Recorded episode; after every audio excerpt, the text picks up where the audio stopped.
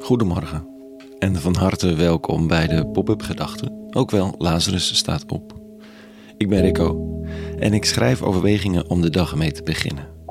Vandaag met de titel Langzaam leren luisteren.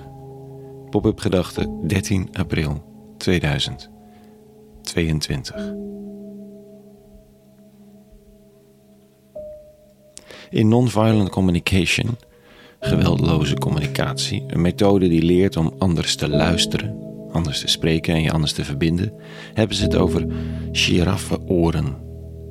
De giraf is het dier met het grootste hart van alle dieren en het overziet het hele terrein met zijn kop bovenop zijn lange nek. De jakhals daarentegen loopt rond met zijn nekharen recht overeind, spiedend en loerend op mogelijk gevaar en zodra er ook maar iets op lijkt te dagen, te dreigen, deelt het dier een grauw uit, springt erop of sprint er vandoor. De keuze is aan ons, zo zegt de methode. De jakhalsoren horen in de taal van de ander meteen een bedreiging of uitdaging, een reden om te vechten of te vluchten. We kunnen, zo zegt nonviolent communication, echter ook onze giraffenoren opzetten, ons hart openen en het landschap proberen te overzien. In plaats van een grauw aan het adres van de ander neemt de giraf de tijd.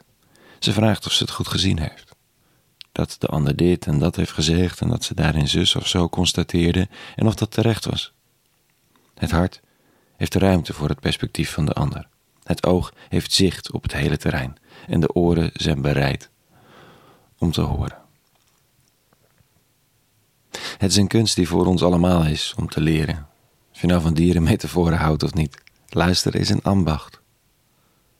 Over een oude woestijnmonnik uit de eerste eeuwen na Christus werd gezegd dat als je hem een vraag stelde, dat hij pas dan na drie maanden eens met een reactie kwam. Want, zo zei hij, voor die tijd weet ik niet of ik de vraag wel goed begrepen heb. Dat is nog eens lekker vertragen. Zou ze eens moeten proberen in de Tweede Kamer. Oh, wacht. Dat was een beetje een jakhalsgrauw. Misschien eerst even mijn eigen landschap overzien en me afvragen waar ik dat te leren heb. Het is een van de allerbelangrijkste taken van mijn werk. Goed leren luisteren. Een deel van mijn werk is activistisch. Het is vaak projectmatig en er is een dosis eigen wijsheid voor nodig. Of dat nu gaat om we gaan ze halen, Afghanistan evacuatie, een kas voor rouwen en vieren op het Mercatorplein en zo nog veel meer. Maar het kan alleen en is alleen ontstaan door zorgvuldig luisteren en filteren.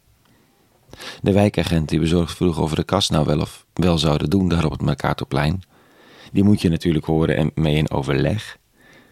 Maar het is niet de belangrijkste stem. De stem die vroeg: Zou je een keer een plek willen maken voor rouw? Want die is er nauwelijks. En er is ook nauwelijks taal voor. Dat was een stem om heel goed te willen horen. De noodzaak erin te horen, de maatschappelijke tendens die erin ligt, de diepe persoonlijke vraag. En als het gaat over, over de vluchtelingen aan onze grenzen, die door het Europese migratiebeleid in verschrikkelijke ellende gestort zijn, daar bleek luisteren zelfs de beste vorm van verzet. Niet denken te weten wat er nodig is en karrevrachten materiaal sturen. Dat is soms een poging om gehoor te geven aan het eigen gevoel van onmacht en de holle ruimte van ontzetting vullen met daadkracht. Dat is best wel nodig, maar zitten, luisteren, verbindingen leggen en horen wat er echt gevraagd wordt, hoe moeilijk dat ook is. Daar begon de hermenselijking. Het verzet tegen de dehumanisatie. Langzaam leren luisteren. Het uithouden. De vraag in, achter de vraag, verbinding maken. En een groot giraffenhart ontwikkelen. Vanochtend lees ik in de profeet Jezaja al over de Messias die toen verwacht werd en waar christenen de uitkomst van zagen in het doen en laten van Jezus van Nazareth. Dit schreef de profeet toen. God de Eeuwige gaf mij een vaardige tong, waarmee ik de moedeloze kan opbeuren. Elke ochtend wekt mijn oor, zodat het toegerust is, om aandachtig te horen. God de Heer heeft mijn oren geopend, en ik heb geen verzet geboden, ik ben niet teruggedeinst. Teruggedeinst. Luisteren is zo eenvoudig nog niet. Het doet je zomaar terugdeinzen, de nekharen overeind, aandacht voor gevaar, voor afwijzing of kansen voor jezelf.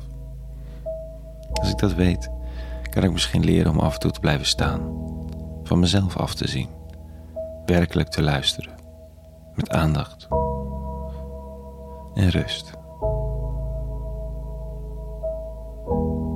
Tot zover vanochtend. Een hele goede woensdag gewenst. En vrede. En alle goeds.